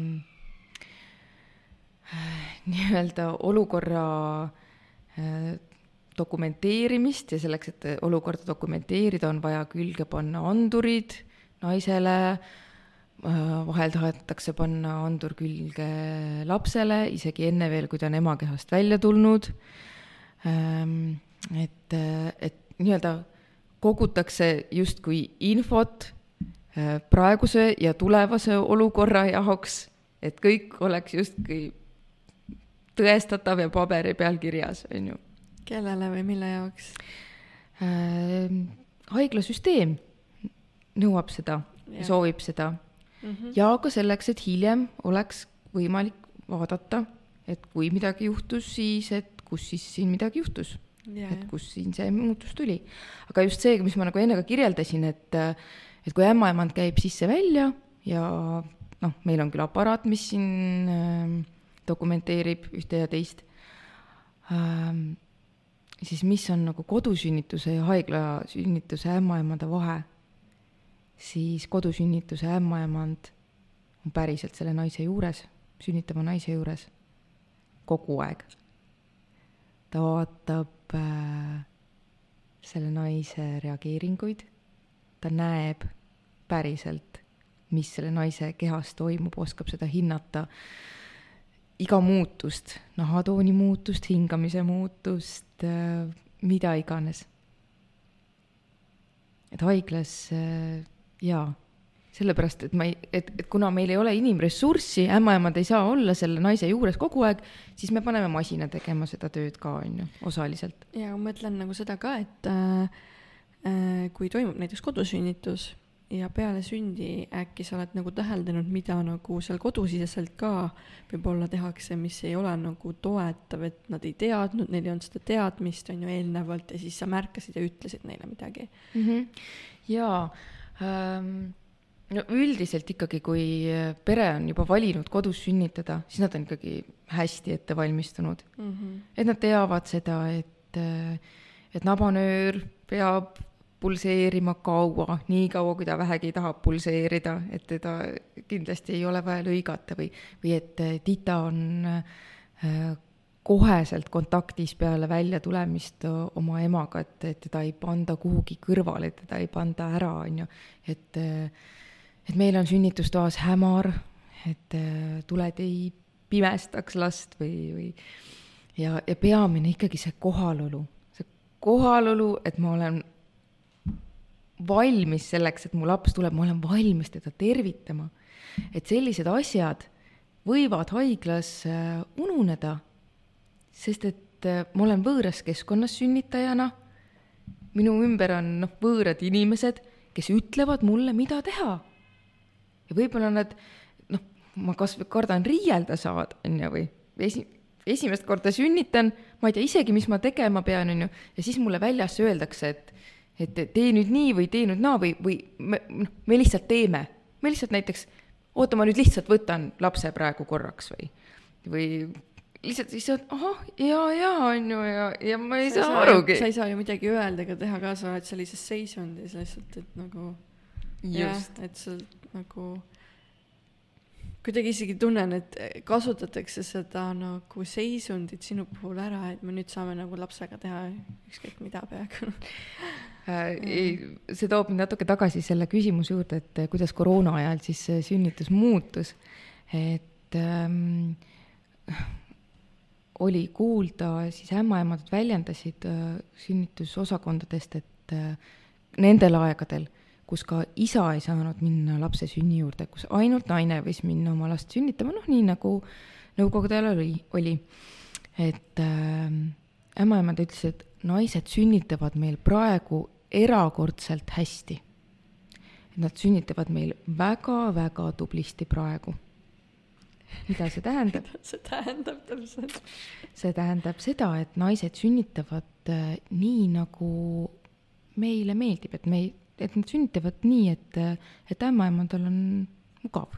ta on nagu rahul, ta on nagu rahul selle tulemusega või et et naist on võimalik äh, juhtida ja suunata protsessidesse, äh, mida, mis ongi mida meie pers-, mis ja. on personalile mugavam mm. -hmm ja, ja noh, see ei pruugi olla mugavam tegelikult naisele, eks ole. jah, ma räägingi, et neile.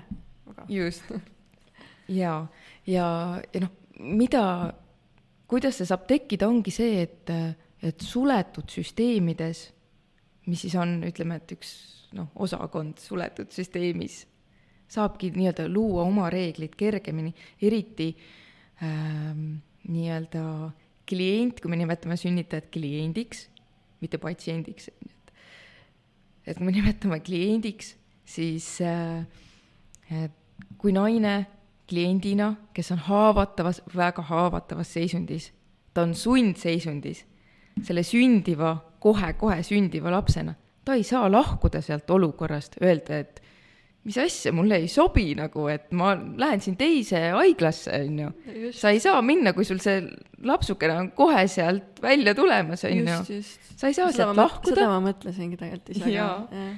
ja sa oled, jah, sa oledki, peadki vastu võtma selle reeglistiku, selle keskkonna, need inimesed, kes seal on ja noh, muidugi, kes tahab nagu konflikti minna, on ju, et, et mõni, mõni ka läheb konflikti, aga kas see jätab nagu hea tunde minu lapse sünni juurde mm,?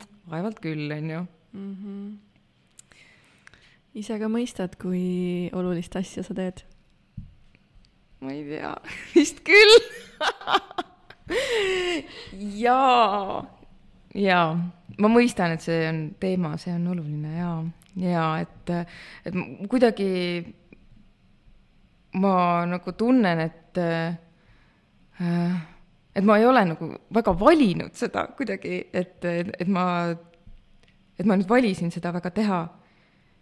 kuidagi tuli sinuni, jah? see kuidagi tuli minuni ja et mm, et jaa et kui noh, kirikuõpetajate kohta öeldakse, et et, et noh, et nad on kutsutud ja seatud, on ju, jumala sulased ja siis võib-olla ma tunnen natukene, et ma olen kuskilt kutsutud ja kellegi poolt seatud mõnes mõttes seda, seda, seda tööd tegema või, või sellest vähemalt rääkima.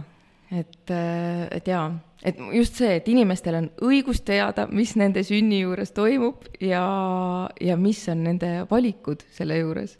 jah, nüüd nagu saab eriti hästi sellest äh, lausest aru äh, aga sa oled ka Eesti Sünnitoetajate Ühenduse juhatuses, et mis missiooni te seal ajate?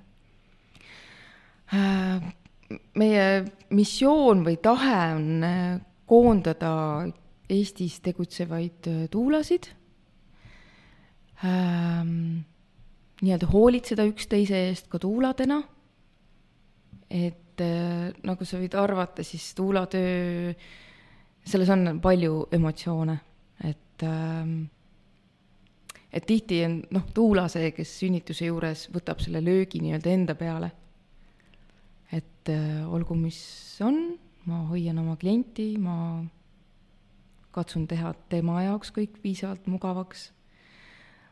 aga selle, selle juures ma võib-olla võtan nagu päris suure ampsu ebamugavust ja neelan selle ise alla.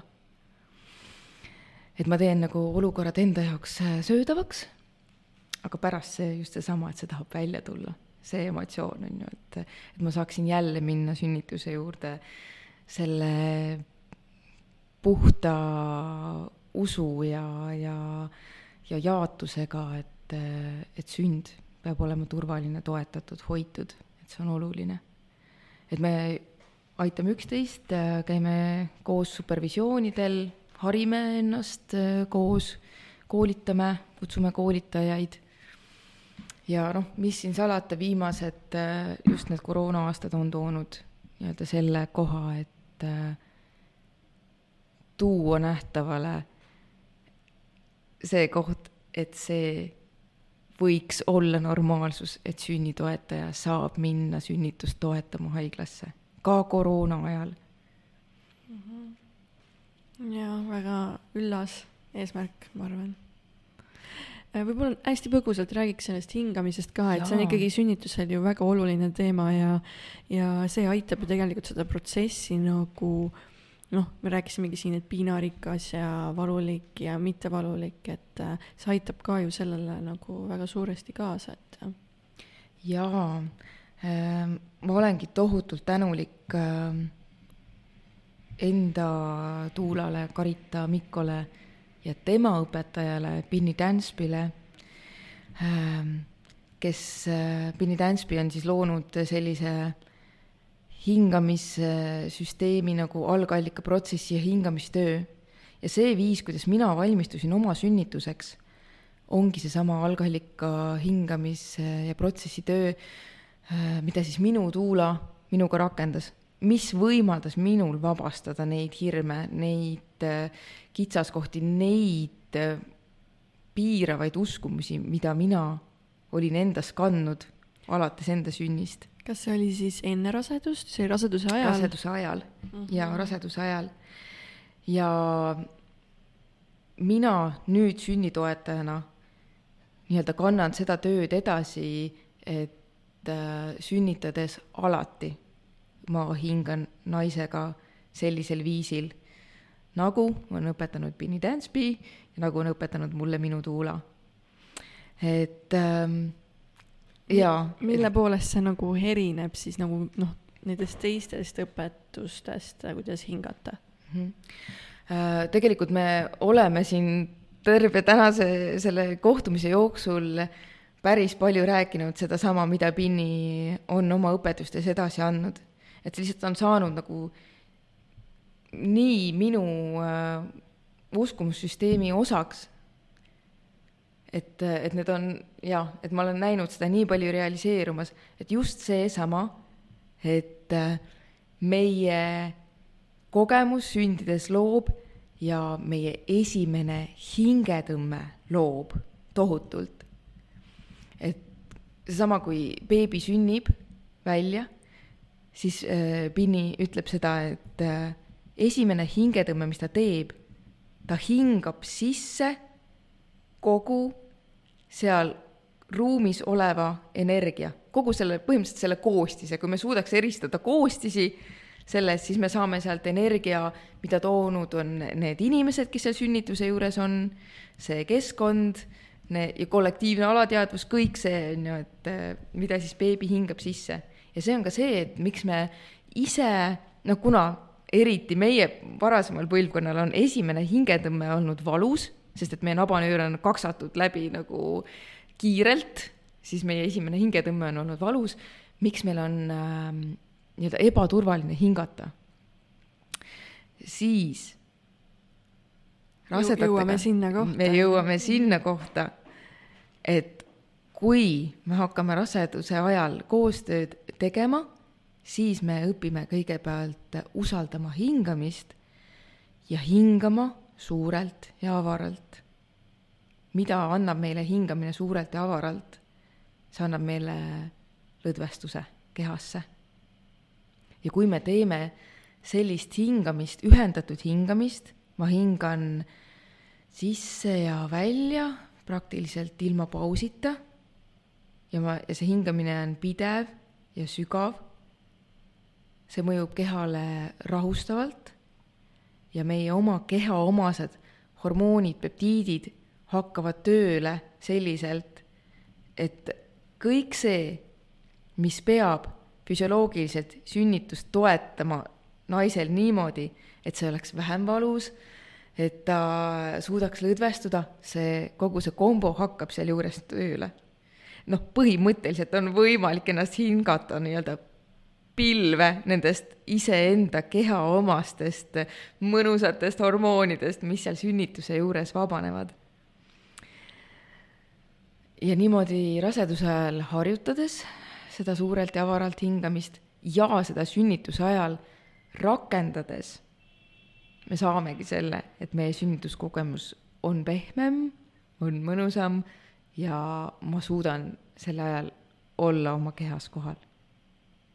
Et jaa, vahel, kui ma oma sünnitajaga lähen kuhugi haiglasse sünnitustuppa ja siis need ämmaemandad niimoodi natukene muigavad ja vaatavad, et ohoo, nüüd siin tuleb siin, hingab, noh, kuidagi niimoodi, noh, see on ikkagi, ma hingan nagu häälega, et, et tõmmata sünnitajat endaga koos hingama sellisel viisil, et, et talle seda pidevalt meenutada, et nii on, et sa võid minuga koos hingata, see on turvaline, et sina üksinda ei pea siin ähkima, et mina olen sinuga koos, siis need ämmaemandad jah, vaatavad, et ohoo, okei okay,, tuli noh, noh, noh, veider veits on ju.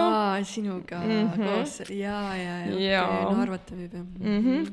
aga kui nad ühel hetkel näevad, et kuidas, kuidas see mõjub, siis nad äh, on öelnud, et tule järgmine kord jälle ahah.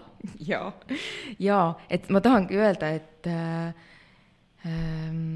et ei jääks valet muljet, et äh, kõik ämmaemandad haiglas on kuidagi sünnitoetajate vastu või ei oska seda hinnata äh,, siis jaa, see tegelikult ei ole nii, et mm -hmm. et mul on suurepäraseid kogemusi sellest, kuidas sünnitoetajat oodatakse haiglasse kuidas kutsutakse tagasi, kuidas tuuakse välja seda, et millist muutust on see loonud, et sünnitoetaja oli seal selle protsessi juures.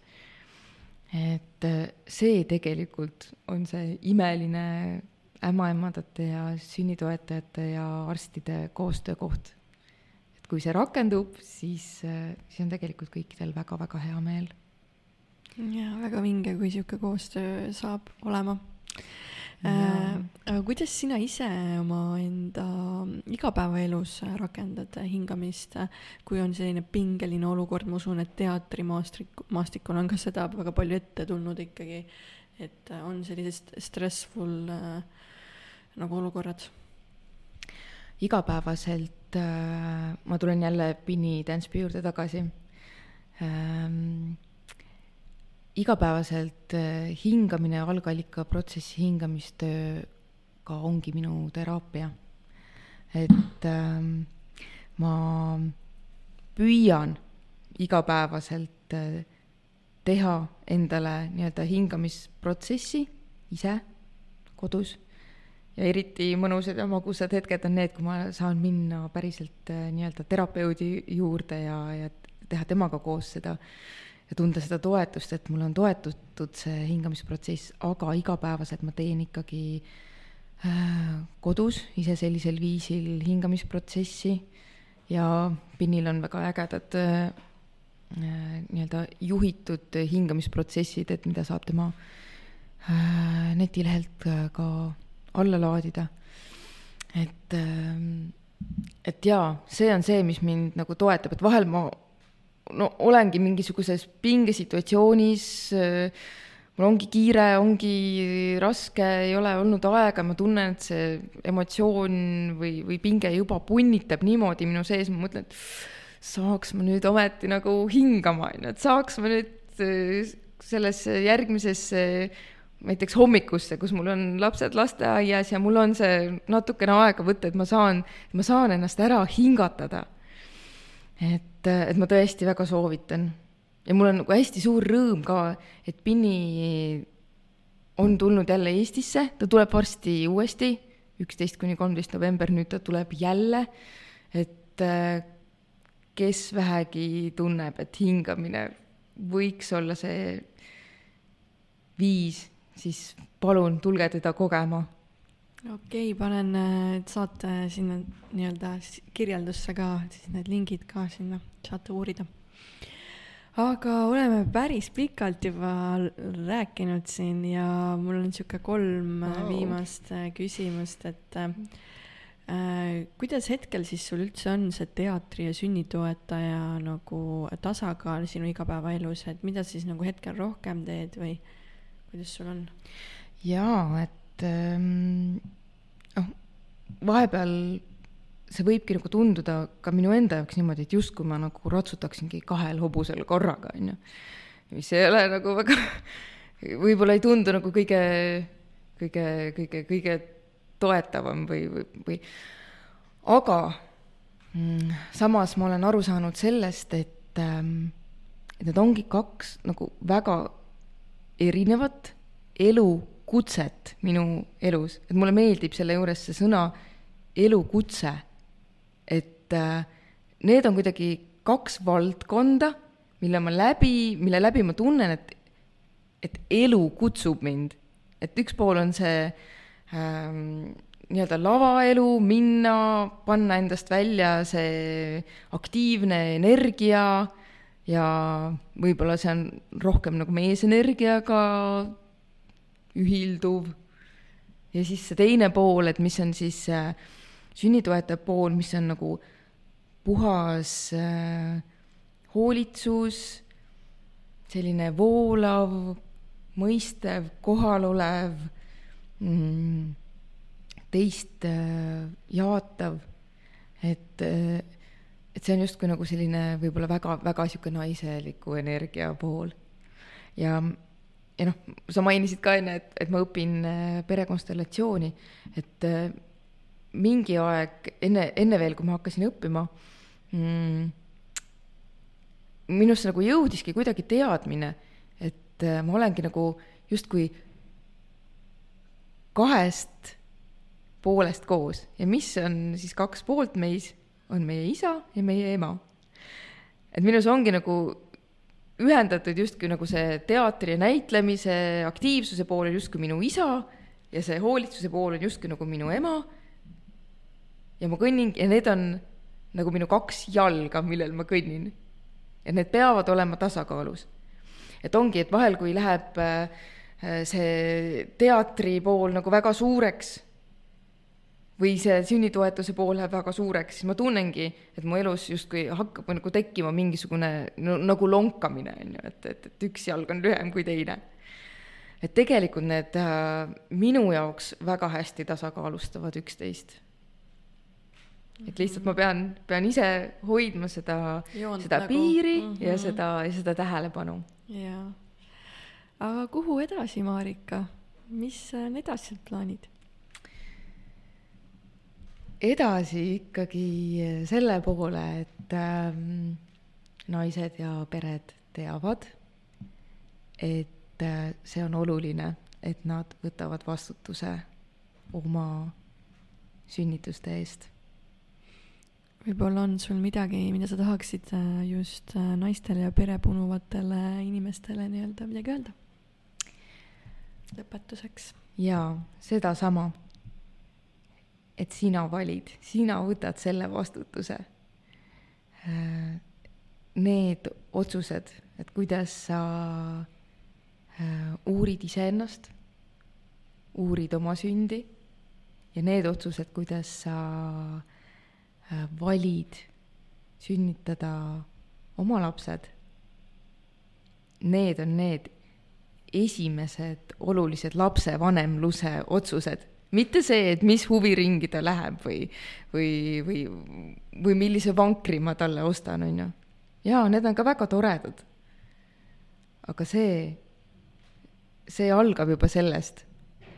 ma valin teadlikult millist kogemust ma soovin luua enda jaoks selles mm. protsessis. nii on jah, nii on üldse tegelikult eluga, millist elu ma soovin jaa okei okay,, vau, nii vinged mõtted nagu tõesti. Äh, ma olin nagu terve see aeg, mis ma sind kuulasin, nagu väga kohal. ma olin nagu siin ruumis, kuulasin kõike, mis sa rääkisid. ja väga nagu palju resoneerusin nii et aitäh, et seda infot jagad. et ma arvan, et sellel on äh, palju väärtust. aitäh, et sa seda teed. jah, aitäh sulle, et sa tulid ja kuulajad, kui teile ka kõnetas, siis äh, siis äh, jagage seda enda inimestega, et, et saavad ka neid äh, mõtteid äh, kuulda aga kus siit Marika leida võib? minu Facebooki leht on Sinu toetatud sünd Tuula Marika Mesipuu veebel. ja veel saab leida mind Eesti Sünnitoetajate Ühenduse leheküljelt tuula ehk siis doula.ee äh, ja ka digiõpikust aadressil viljakusest.ee, et seal ma olen ka kirjutanud Tuula tööst jaa, ma panen need kõik äh, saate alla kirja, siis inimesed saavad sealt lugeda, vaadata, uurida, et äh, igal juhul ma väga tänan äh,, väga vinge saade oli ja, ja jõudu, jaksu sulle edaspidi! aitäh sulle. tšauki teile, kuulajad.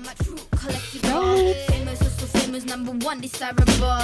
I do what I want when I want and how I want it.